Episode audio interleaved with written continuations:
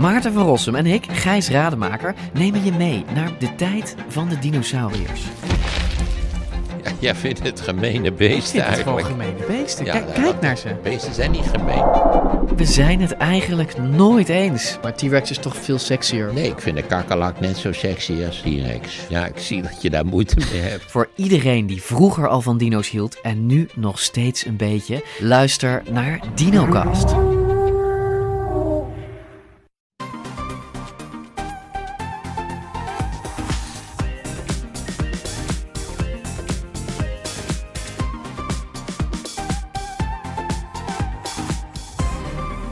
Welkom bij de Bright Podcast van woensdag 15 maart over de trending topics in tech.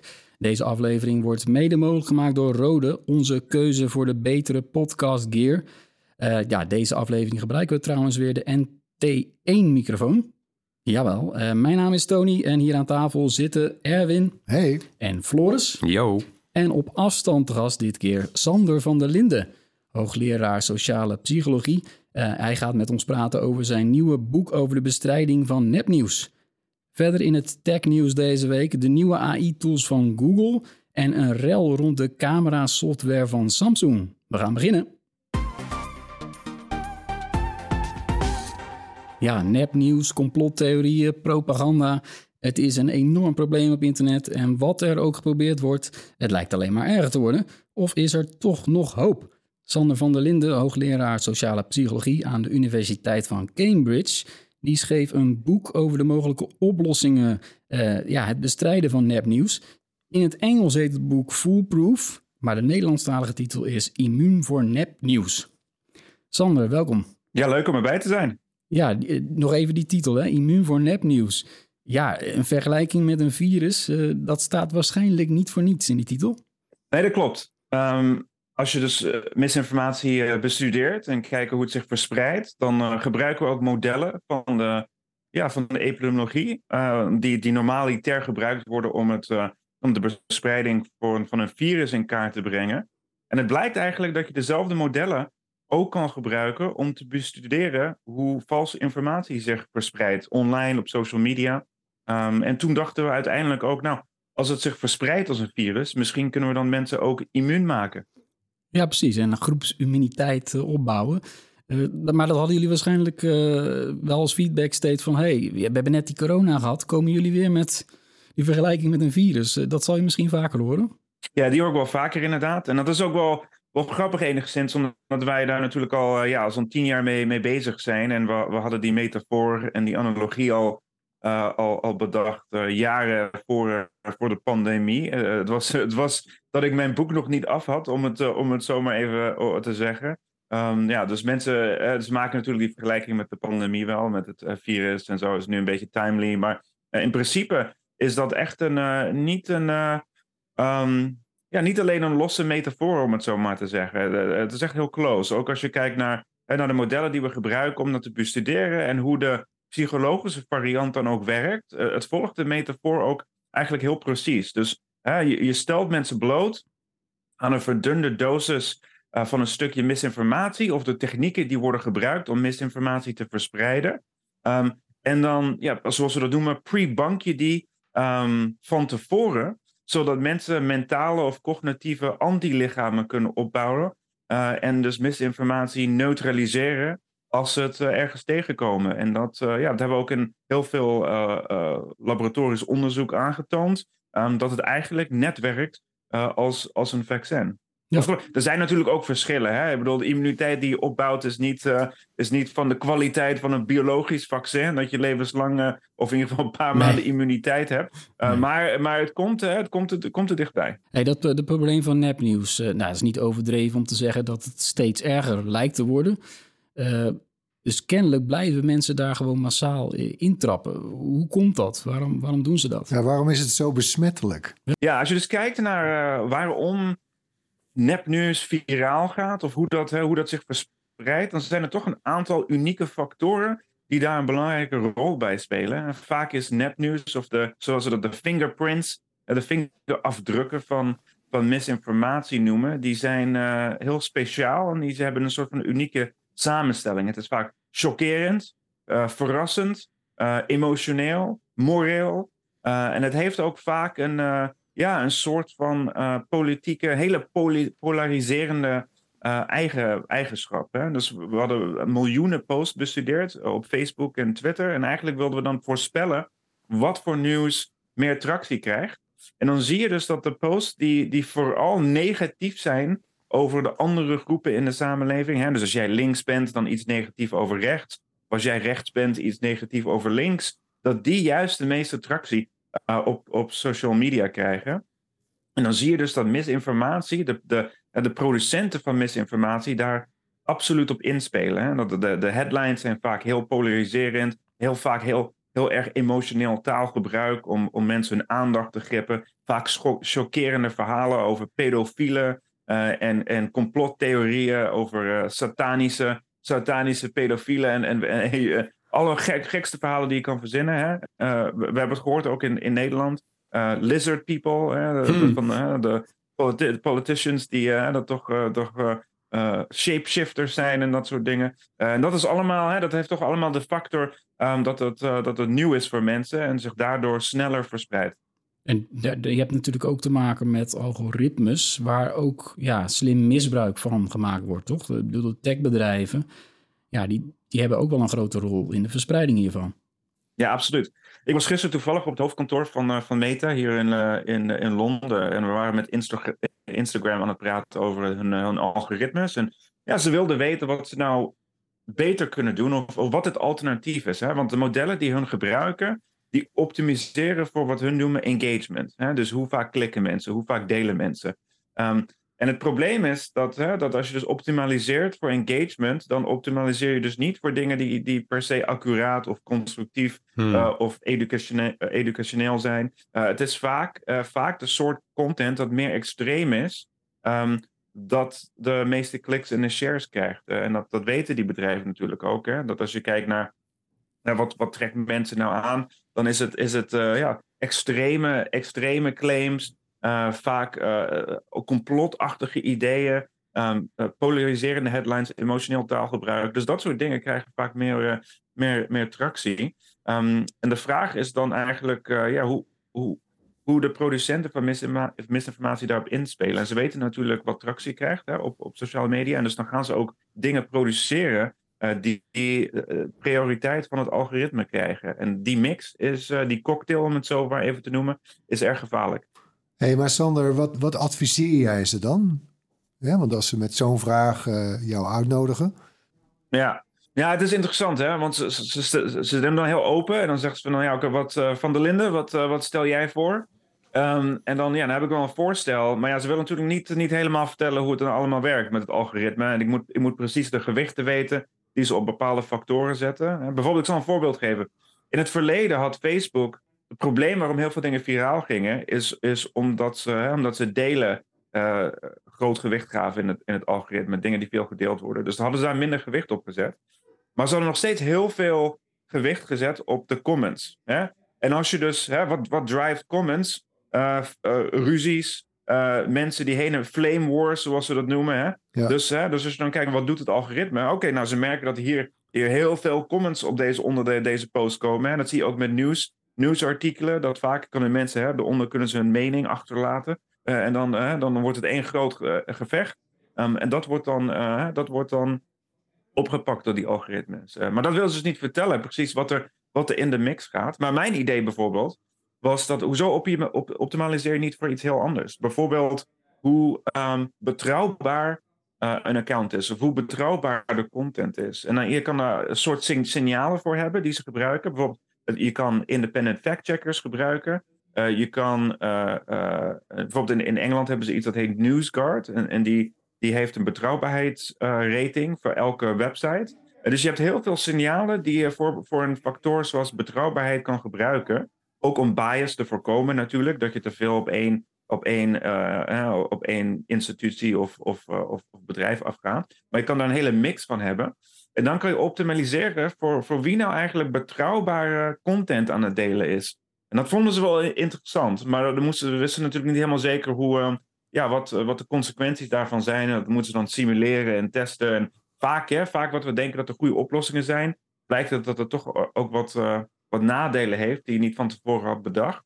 Um, dus een andere opmerking die ik had, is kunnen jullie niet een filter maken die, die uh, dat, zoals we dat toxicity, zoals we het noemen, toxic uh, conversations, dus mensen die elkaar lopen uit te schelden of negatieve woorden gebruiken of identiteitstermen gebruiken, dat heel, heel erg jouw kant, mijn kant, uh, dat, soort, dat soort dingen opgaat. Om dan een filter te hebben, bijvoorbeeld op Instagram of Facebook, en, en dan gewoon systematisch content downranken dat polariserend of, of erg toxic is. Um, en dan zeggen ze wel van, oh ja, ja, dat kunnen we wel doen. Maar dan weten we niet helemaal wat er gebeurt met, uh, met, met engagement, met uh, hoe, hoe, mensen, hoe, uh, hoe mensen daarop reageren. Ja, dus ze, ze willen, eigenlijk, ze willen ja. wel veranderen, maar eigenlijk willen ze niet veranderen. Het mag niet ten koste gaan van de portemonnee of zo. Niet ten koste gaan van de portemonnee. Nee. Nou, dat hadden we ook duidelijk gemaakt. Hè? Dat uiteindelijk, um, wat het op neerkant, als je niet optimaliseert voor engagement, dan gaat natuurlijk uh, het aantal conversaties en het aantal kliks omlaag. Ja. Wat dan minder winst geeft voor, voor mensen die willen advi advi adverteren op het platform. Uh, dan kwamen ze daarop terug en dan zeiden ze van nou, dat is een eenzijdig verhaal, want het gaat niet alleen maar om winst. Want als wij, als wij heel veel extreme content op het platform hebben, dan Ja. willen de advertisers, die willen hun naam daar niet naast hebben. Ja, precies. Dus het is niet helemaal in ons voordeel. Dus ja, zo ga je een beetje back and forth eh, met, die, eh, met die bedrijven. Maar ja, wat ze er uiteindelijk mee doen, dat is de vraag. Ik heb vaak het idee dat de mensen die gaan werken echt gemotiveerd zijn om veranderingen te doen. Maar dan de, de hoge pieven in het bedrijf, die, Ja. die hebben andere belangen. Ja. Ja, in, in jouw eh, boek gaat het ook over een, eh, een online game. eh, als een van de, ja, een van de oplossingen. Ehm, en die heet Bad News. Die kun je ook zelf spelen. We zullen een link in de show notes zetten. Dat is leuk om te doen. Eh, een paar jaar geleden eh, heb je die online gezet. En volgens mij zijn die, eh, zijn die ja, iets van een miljoen keer gewoon gespeeld, die game. Hè? Wat, wat leer je daar precies mee en hoe effectief is dat? Ja, de game Bad News, of in Nederland Slecht Nieuws, die hadden we online gezet samen met een, een, een Nederlandse organisatie waar we eigenlijk mee hebben samengewerkt destijds, die heette Drog. Ehm, en dat eh, ja, was een leuk idee. Het, idee erachter was eigenlijk dat ehm, media, educatie, veel mensen die hebben niet zo'n erg interesse in de wetenschap. Veel mensen vinden de wetenschap een beetje suffig. Dus wat we eigenlijk wouden doen is, ehm, ja, hoe kunnen we het interessant voor mensen maken? Hoe kunnen we het leuk maken? En het was een beetje edgy. Dus Bad News simuleert een social media feed, eh, Twitter in dit geval. En het doel is eigenlijk om mensen dus bloot te stellen aan verzwakte doses, eh, doseringen van de technieken die worden gebruikt om mensen online te manipuleren met nepnieuws. Hè? Bijvoorbeeld eh, ja, eh, impersonatie, zoals we het noemen. Dus neppe experts die jou proberen allemaal dingen te verkopen. Een soort van, van snake oil salesman, zoals ze dat in het, in het Engels noemen. Ehm, en voordat mensen het spel spelen, doen ze mee aan een quiz. Dus we geven mensen een, ja, een voorbeeld van een headline die je dan op social media tegen kan komen. Eh, en dan vragen we mensen hoe betrouwbaar eh, ze dat vinden op een schaal van, eh, van 1 tot 7. Eh, en dan nog een keer aan het einde van het spel. En het spel duurt ongeveer 15 minuten. En dan kijken we of mensen dus beter worden. En dit is eigenlijk wel belangrijk. Hè? We, in, in het spel vertellen we mensen niet wat ze moeten geloven. We zeggen niet, dit, dit zijn de feiten en dit is, dit is niet waar. Wat we willen laten zien is dat er technieken worden gebruikt. En dan de test kijkt eigenlijk of mensen die technieken kunnen herkennen in, in, in nepnieuws dat gebruik maakt van die technieken. ehm, dat mensen de- nog nooit hebben gezien. En dat is eigenlijk de, de test. En Ja, dan en- vinden we dus, na het spelen, dat mensen ja, beter worden in het herkennen van die technieken. Dat ze meer vertrouwen hebben in hun eigen capaciteit om die technieken te herkennen. En dat ze het minder met andere mensen eh, willen delen. En dan kunnen we ook over tijd, kunnen we mensen weken blijven op, we we opvolgen. We, we volgen die testen op, week na week. Om te kijken of, hoe lang die immuniteit dan, Ja. dan blijft hangen. Ja. En die blijft dus. Nou ja, wat we dus zien. dat is eigenlijk net een beetje met COVID. Hè? Je moet wel Ja. een booster. Wat we dus wel uitgevonden hebben, is dat je wel een booster moet hebben. Anders dan vergeten mensen het. En de psychologische ja, mechanismes daarachter is eigenlijk dat ehm, mensen verliezen deels de motivatie. Hè? Want mensen die denken vaak: oh, ik ben geen target. eh, het, is niet, het is niet iets waar ik me zorgen over moet maken. Of Mhm. ik, ben, ik ben al immuun, want ik ben zo slim. Ik, ik word nooit, eh, nooit gedupt, hè? maar dat is dus niet zo. Dus het, deel van het, het doel van het spel is ook om mensen om die illusie een beetje te breken. Dat we kunnen mensen laten zien dat ze wel degelijk gedupt worden. En het andere is, heeft met geheugen te maken. Hè? Mensen vergeten dingen. We hebben zoveel informatie, zoveel andere dingen. Ehm, dat dat hè, over tijd ver- verge- vergeten mensen ehm, wat ze geleerd hebben af en toe. En als je dus dat boost in between, zodat we mensen nog een keer even, even snel spelen, nog even een snapshot geven van, van wat ze hadden geleerd, even snel geheugentestje. Als je dus dat doet, dan kan je dat wel maanden de immuniteit laten, laten hangen, om het zo maar even Maar ik denk dat, dat Meta Um, of ja, Google of Twitter niet snel zo'n spel aan iedereen zal tonen. Toch? Hè? Dus dat, dat, is, dat is jammer, want dat zou dan wel werken. Maar eh, zijn er andere manieren waarop zij wel op een slimme manier aan hele grote groepen eh, gebruikers ja, die jouw tactieken zeg maar, zou kunnen inzetten? Ja, ja zeker. Ehm, hadden ook conversaties met hun. En soms, soms vragen mensen ook, ja, waarom werk je dan met die bedrijven? Want ze zijn toch deel van het probleem? Ehm, en dat, is ook wel zo. Maar zij controleren natuurlijk ook de flow van, van informatie in de samenleving tot een heel groot extent. Hè? Dus als we een oplossing willen, dan moeten we eigenlijk toch ook de medewerking hebben van, eh, van die bedrijven. En eh, ze vertelden ons ook dat die game, hè, 15 minuten, dat kan allemaal niet op social media, zei ze. Het is wel leuk natuurlijk voor mensen, maar waren met Google aan het praten. Hun idee, Google owned eh, YouTube natuurlijk. En hun idee was eigenlijk, wel kunnen we niet iets met video's doen? En toen zaten we eigenlijk te denken van, we kunnen het heel grootschalig aanpakken. Dat wat nou als we die, die vaccinatie-metafoor op een eh, script zetten? Dus we schrijven een script voor video's. Eh, bijvoorbeeld, hè, dan krijgen mensen, worden ze gewaarschuwd van tevoren dat er misinformatie kan, hè, dat, dat ze dat kunnen tegenkomen op YouTube.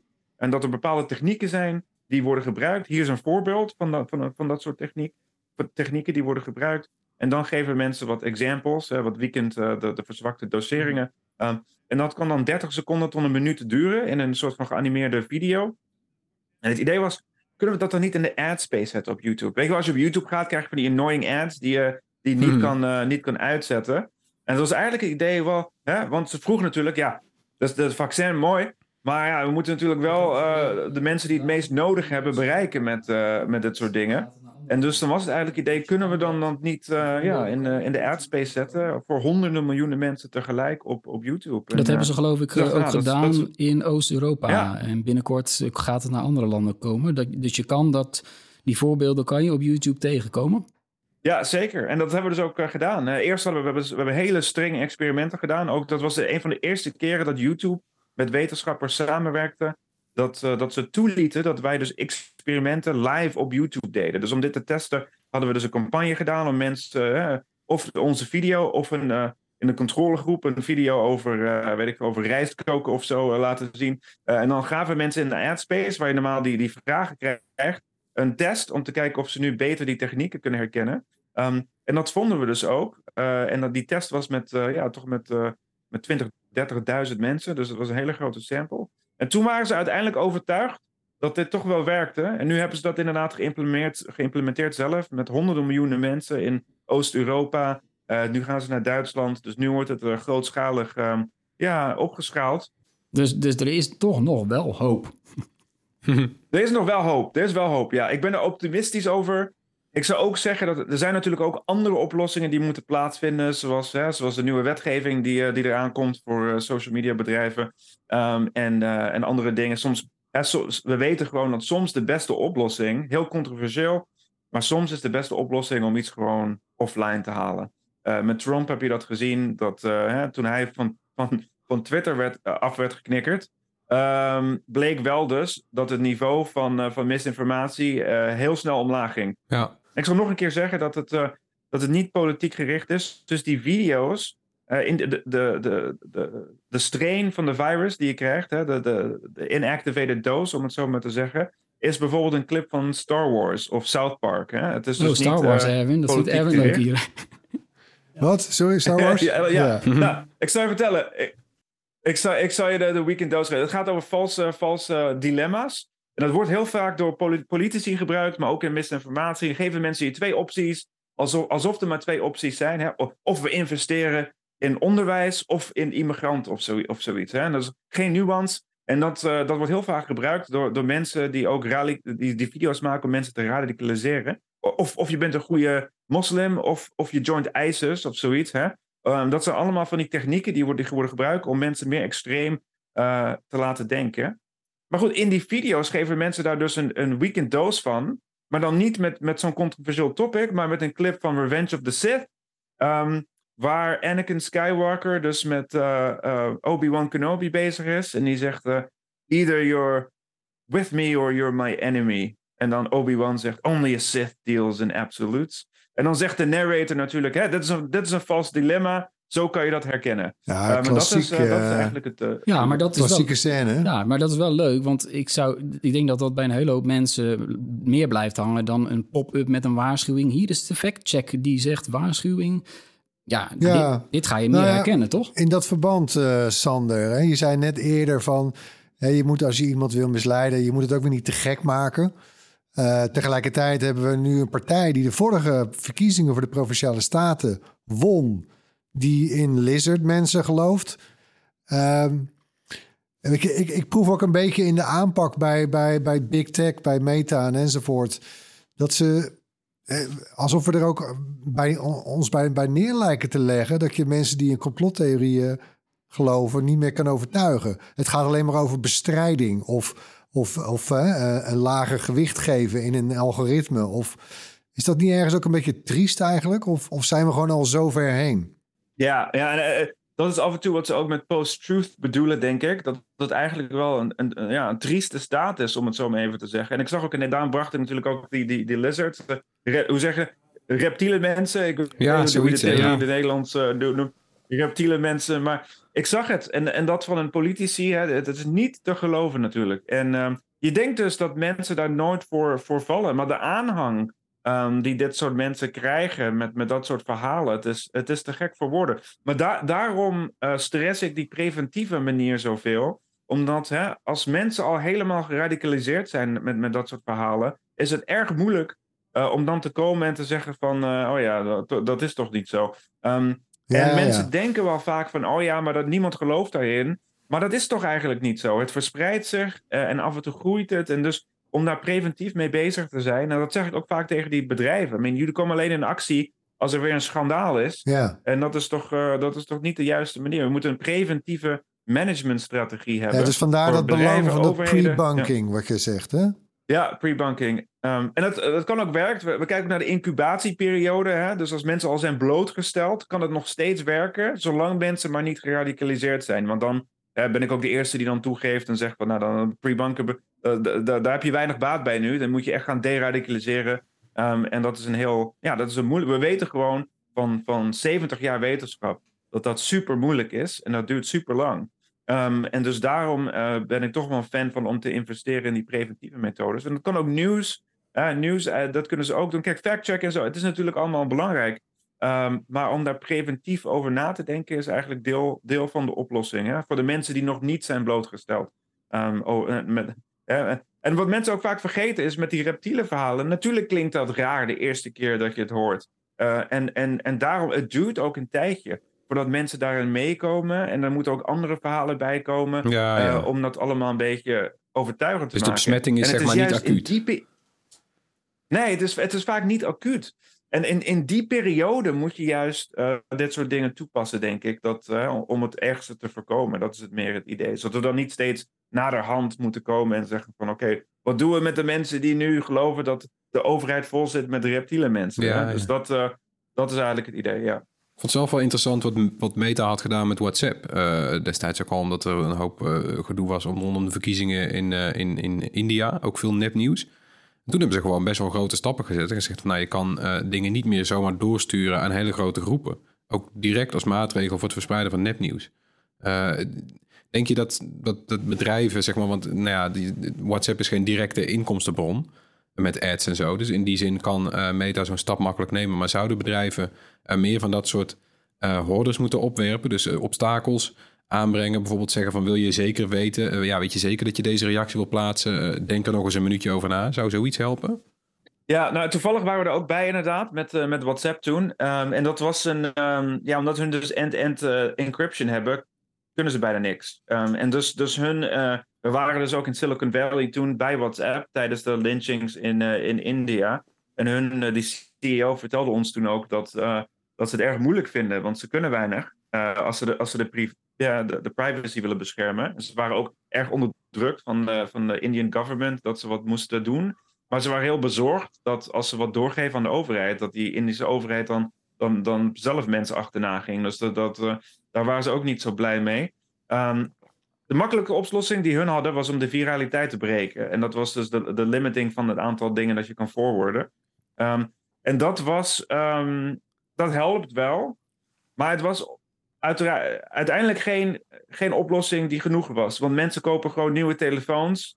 En ze vinden daar, ze vinden daar weg omheen. Hè? Dus mensen die denken: oké, ik, kan, ik kan het nu alleen maar naar die doorsturen. Maar nu heb ik meerdere telefoon, meerdere Hmm. nummers. En nu kan ik weer, uh, weer zoveel voorwoorden als ik wil. Dus er zijn wel hè, die, de mensen die, die daar echt producties van maken, die komen daar wel snel omheen. Dus Ja, we zijn ook WhatsApp, Het is belangrijk, maar ja, Nee, het, het is zijn, een eh, kat- en muisspel eh, tussen natuurlijk de verschillende partijen. Eh, maak je je niet zorgen dat met de komst van, eh, ja, opkomst van AI-tools... Dat, dat we straks echt gewoon verzuipen in een enorme stroom van nepnieuws? ja het, op, zich, op zich maak ik daar maar wel zorgen over. Um, en het is ook moeilijk in andere regio's. Hè? Want we gingen toen naar India. We waren toen in rural India ook. Met hadden we een, een, een inoculatie. Zo hadden we eigenlijk bad news. Uh, maar dan voor WhatsApp gemaakt. En het bleek toch moeilijk te zijn in, uh, in India. Uh, hè? Mensen hebben een hele andere manier om om te gaan met het internet en social media. De literacy is heel laag. De soort humor dat je moet gebruiken is heel anders. Dus eigenlijk ja, hadden we daarvan geleerd dat je toch heel veel adaptaties moet doen. Om, om zo'n interventie voor die bedrijven in verschillende landen op te zetten. En dat is dan weer een nieuwe uitdaging waar we nu mee zitten.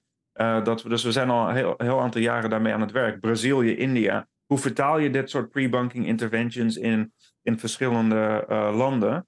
Um, maar goed, het is wel een kat-en-muisspel natuurlijk. Hè? Want als ik nu kijk naar uh, deepfakes, bijvoorbeeld gemanipuleerde images. Um, er zit uh, ChatGPT. Er zit natuurlijk het, het gevaar dat we dus overstroomd worden door hele geavanceerde, geavanceerde uh, soorten van misinformatie. En um, daar moet je dus inderdaad voor blijven. Um, en wat wij in ons onderzoekslab do doen, is we proberen altijd de toekomst te voorspellen. Uh, wat zijn de ergste scenario's en hoe kunnen we mensen daar van tevoren mee inenten? Dat is eigenlijk wat, wat wij aan het doen zijn. En we hopen dus dat ook door te geven aan overheden en bedrijven, dat dat eigenlijk um, de juiste manier, of misschien een, een, een, een uh, constructieve manier is om hierover na te denken, om, toch, uh, om dat toch voor te blijven. Want uh, ja, Ja. uiteindelijk um, is, het, is het lastig. Ja, je hebt in ieder geval wel ontzettend veel aandacht over de hele wereld gekregen met, met je boek. Ik denk dat er weinig Nederlandse, Nederlanders zijn die een boek hebben geschreven met zoveel uh, reviews. Dus het onderwerp is wel, ja, gaat de hele wereld over. Het onderwerp, en dat is eigenlijk de reden ook van, van ja, waarom heb je dit boek geschreven? En ik denk omdat er, ik hoopte dat er interesse is van mensen om te leren hè, hoe gaat het brein om met misinformatie? Waarom verspreidt het zich? En wat, en wat zijn de oplossingen? En uh, ja, ik denk toch dat dat misinformatie, iedereen heeft wel contact gehad met misinformatie. Of uh, ja, um, we kennen uh, allemaal wel kent iemand. mensen die, de, ja. kent wel iemand. Ja, het is natuurlijk ook een sociaal onderwerp.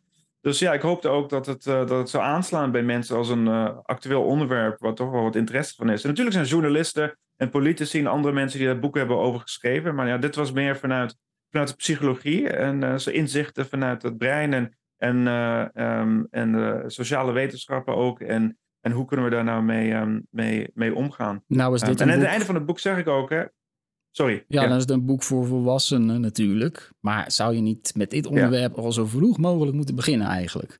Dat je gewoon zegt van, nou, maak een ver... Ja, je zou bijvoorbeeld een versie kunnen maken voor middelbare scholieren. Zet het op de verplichte boekenlijst. En huppakee.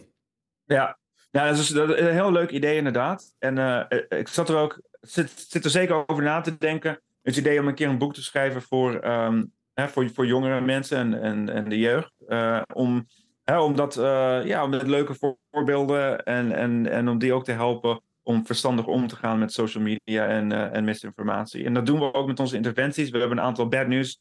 We hebben er één voor kids, dat heet Bad News Junior. Um, dus we zijn meer en meer bezig ook met jongeren. TikTok bijvoorbeeld is iets waar we nu actief mee bezig zijn. Heel veel jongere mensen zitten op TikTok, wat een heel ander model is. Uh, en daar kan je viraal gaan zonder dat je volgers hebt. Dat is puur op content gericht.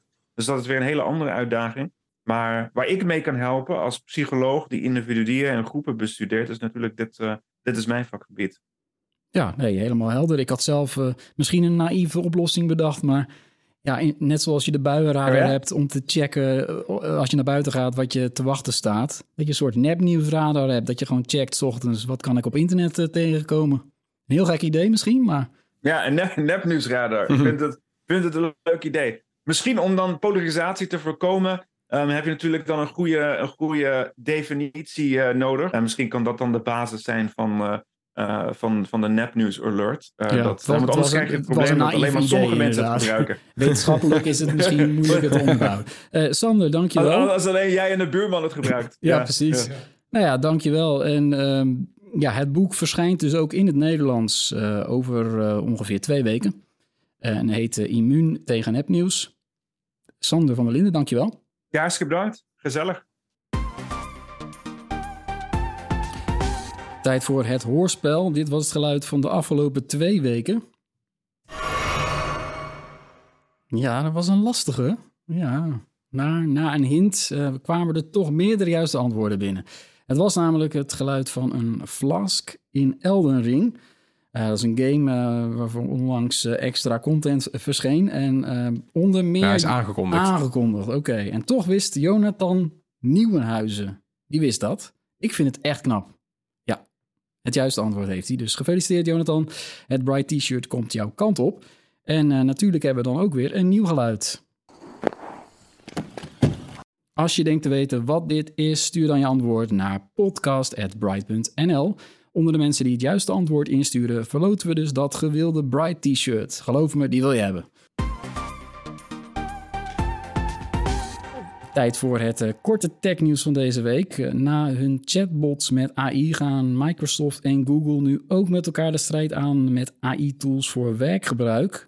Google die kondigde namelijk eh, nieuwe AI-functies voor Gmail en zijn workspace-diensten, zoals Google Docs en Slides aan.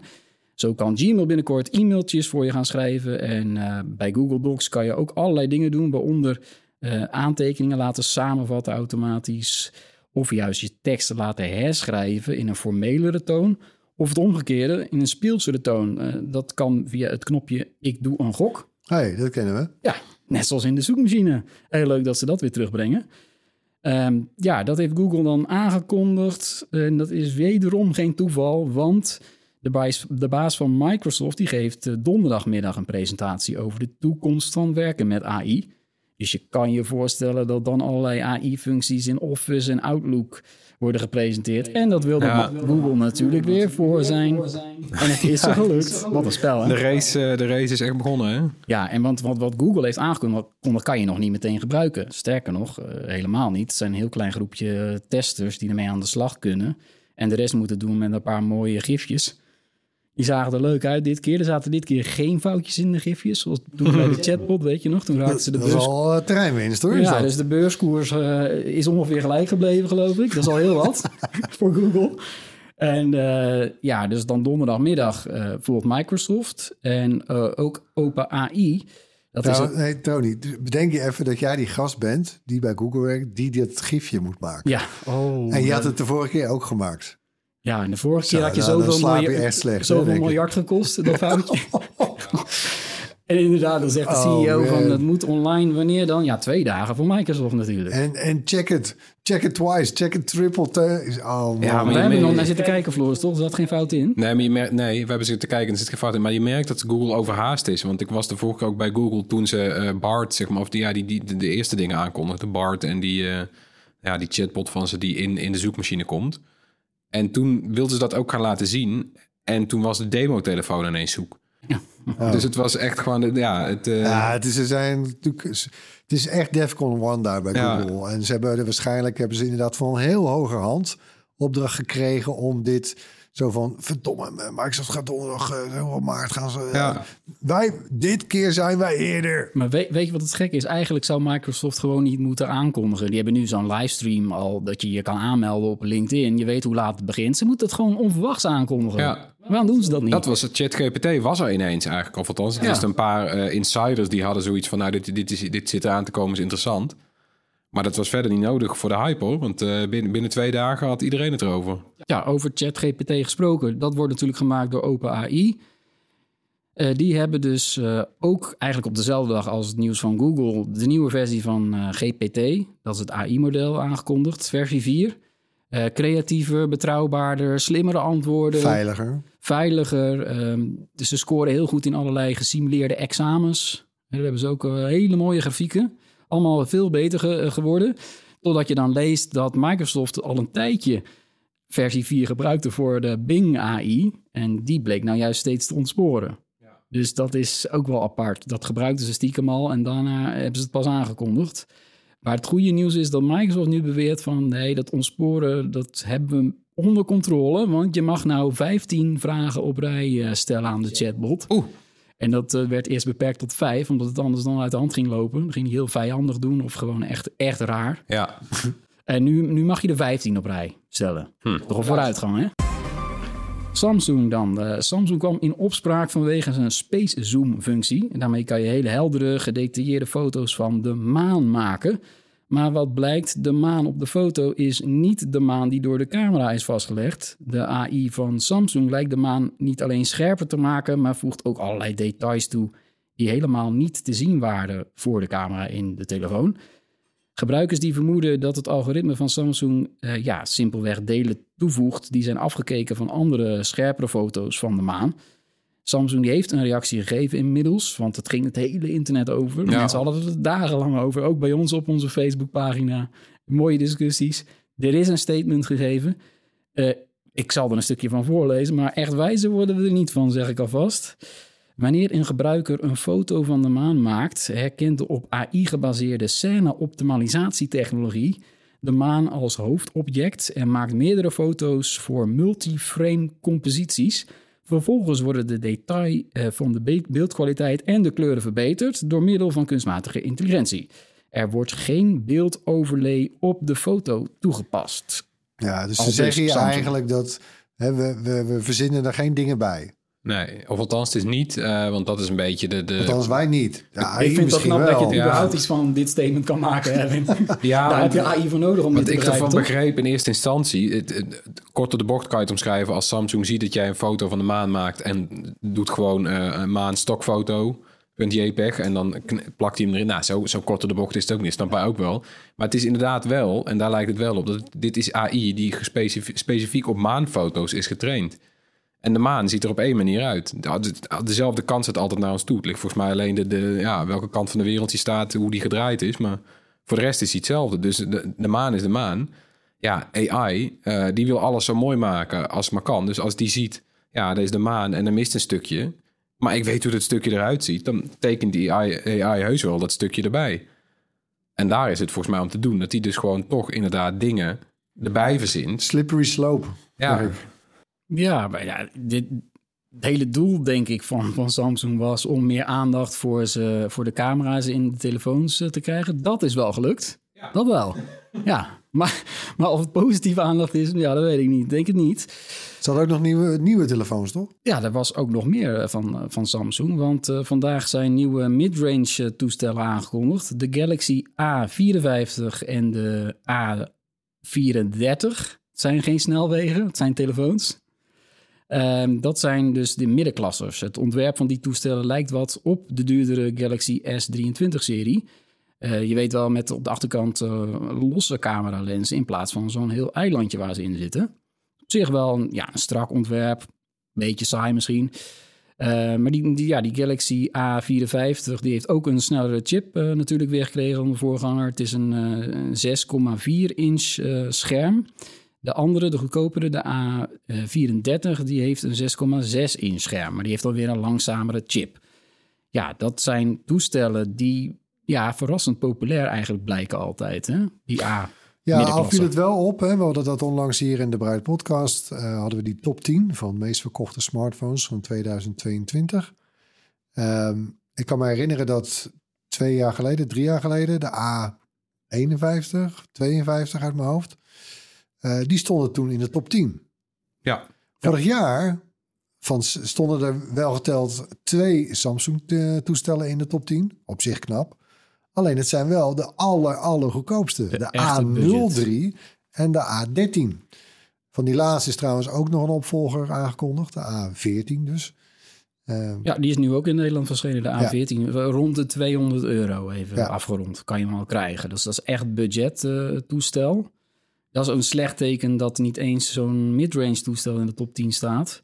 Eh, maar ja, moet gezegd, eh, die A54, die heeft toch wel ja, een paar mooie verbeteringen. Superhelder scherm, eh, las ik, eh Erwin. 1000 nits, dat hebben we volgens mij even opgezocht. Wat dat Ja, dat, eh, op een iPhone bijvoorbeeld verscheen dat pas voor het eerst op de 13 Pro. Vrij nagaan. recent. Dat Dus zit dat nu dus was, in een telefoon van eh, ja, 489 euro. 120 hertz ook. Ik blijf Ja. het ook opzienbarend vinden. Gewone iPhones hebben het nog steeds niet. Nee, gewoon niet. nee. Nee. Ja, dus we zullen Maar wel in het geel eh, tegenwoordig is die eh, gewone iPhone. eh, Oh ja, dat is waar, hè? Ja. Canarie geel. Ja, tot slot onze wekelijkse tips. Nou, ik begin gewoon zelf. Ja, joh, doe maar, joh. Ja, joh, we hebben het over echt en nep gehad. Natuurlijk, eh, in deze podcast. En daar moest ik ook aan denken toen ik keek naar een nieuwe documentaire. Die gaat over de Duitser Norman Kochanowski. Beter bekend als Angry German Kid. Nou, dat is een viral video van heel lang geleden alweer. 2005 ongeveer. Een 14-jarige Duitse jongen die helemaal door het lint gaat. Terwijl die eh, zijn game Unreal Tournament op zijn PC opstart. En dat gaat niet snel genoeg. En hij begint te krijsen en slaat zijn keyboard volgens mij helemaal aan gort. ja. Ja, die kunnen we allemaal nog wel herinneren. Die Want dat was wel. een van de meest viral video's volgens mij in het jaar 2006. Kijk ik volgens mij niet eens op YouTube, maar op E-Bombs World. Nou, je- precies. Het is Ja. je hebt gelijk. Oh, ja, je hebt, gelijk. Het ging, het ging meermaals viral. Ja. Het ging viral voordat YouTube er was. Ja. Toen kwam YouTube op en ging het daar nog een keer viral. Precies. Hoe is het met hem afgelopen? Daar gaat het natuurlijk Dat over. is wel leuk. Met Angry German Kid. Nou ja, eerst eventjes van was het nou echt of nep? Ik kan me destijds nog herinneren dat er enorme discussies over waren. Er waren echt heel veel mensen, en misschien ik zelf in het begin ook, die dachten, ja, dit is echt een gameverslaafde gek Ja. die helemaal door aan het draaien is. Is niet helemaal niet waar. Niet, Deze jongen Nee. maakt als eh, humoristische video's als 14-jarige. Ik vind het heel Als leuk. soort nep-rapper. En heeft dit gewoon volledig geacteerd. Hij heeft ik het er ging niet bij gezet. Maar Jij begon er net over en ik ben er gewoon jarenlang van uitgegaan dat het echt was. Ik dacht, ja, dat is ook eh, naïef van mij. Maar ook waarschijnlijk omdat het internet was zo, eh, weet je wat, nog zo pril. Dat ik dacht van, nou, het zal wel, je gaat dat toch niet. Nou ja, media hebben het ook overgenomen als echt in zijn ja. eigen land, Duitse media. Het ging de, daarna de hele wereld over. En het was dus nep. Maar hij heeft daar ontzettend veel last van gehad. Is gepest, eh, kreeg een depressie. Heeft toen zelf eh, gedreigd een aanslag te plegen op zijn middelbare school... waardoor hij daadwerkelijk is veroordeeld. Dus het is echt een heel... En da- daar begint het verhaal nog maar. Dus Jeetje. hij heeft wel echt een hoop nare dingen meegemaakt... doordat hij een viral video had... waar hij totaal geen controle meer over had. Iedereen in, in zijn omgeving herkende hem. Hij kon geen baan krijgen, kreeg zelfs jaren later nog ontzettend veel last. Het is uiteindelijk goed gekomen met Angry German Kid. Ja, documentaire van de NDR, Duitse tv-zender. En eh, ja, interessant om dat nog eens terug te, te kijken. Ik moest ook denken aan Star Wars Kid, ook zo'n viral video. Ja. En die zit, zit ook in, in deze docu nog eventjes. Dat is wel goed. Ja, daar is ook niet goed mee afgelopen. ook niet. Nee. Dat is toch, eh, ja, de, de impact is ook gigantisch als je zo echt mondiaal viraal gaat. Ja, bizar. Ehm, Erwin, je hebt, eh, je hebt iets over een telefoon, of niet? Ja, ik heb even een shameless plug. Ja, ja, ja. Nieuwe video. Eh hoop tijd weer ingestoken. Nee, de, ja, de Think Phone van Motorola. Nieuwe telefoon en een soort love baby van de Lenovo ThinkPad en van Motorola. De ThinkPad en Motorola, allebei merken van eh, Lenovo trouwens. Maar eh, dus de Think Phone. Dat is ook omdat de ThinkPad, die laptop, hè, die be- beruchte laptop, die bestaat 30 jaar. En nu, ja. nu is er een, een telefoonversie van de smartphone-versie. En het doet mij ja, het eerste waar ik toen ik het ook over hoorde, dat was op de 6 al, begin van het jaar. Toen dacht ik van ja, hey, verdomd.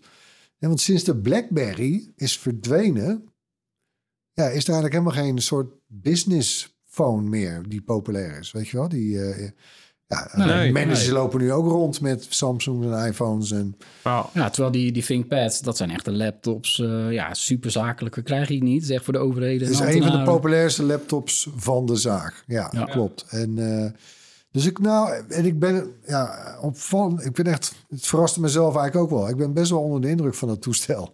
Eh, alleen, ja, is een beetje zakelijk. Maar goed, eh, kijk mijn video, die staat eh, vanavond ook online. En ben benieuwd wat je ervan vindt. Ja, dus als, als, als die nog niet in de show notes staat, we zetten die er wel, wel in. En zet natuurlijk dan gewoon de bel aan op het YouTube-kanaal. Ja. Dan, ja, dan, dan mis je natuurlijk helemaal. Hoef het ook niet meer te tippen. Waarom zeg Ja, Dan krijg je vanzelf een seintje. zet de bel aan. Waarom niet? Heel goed. Floris.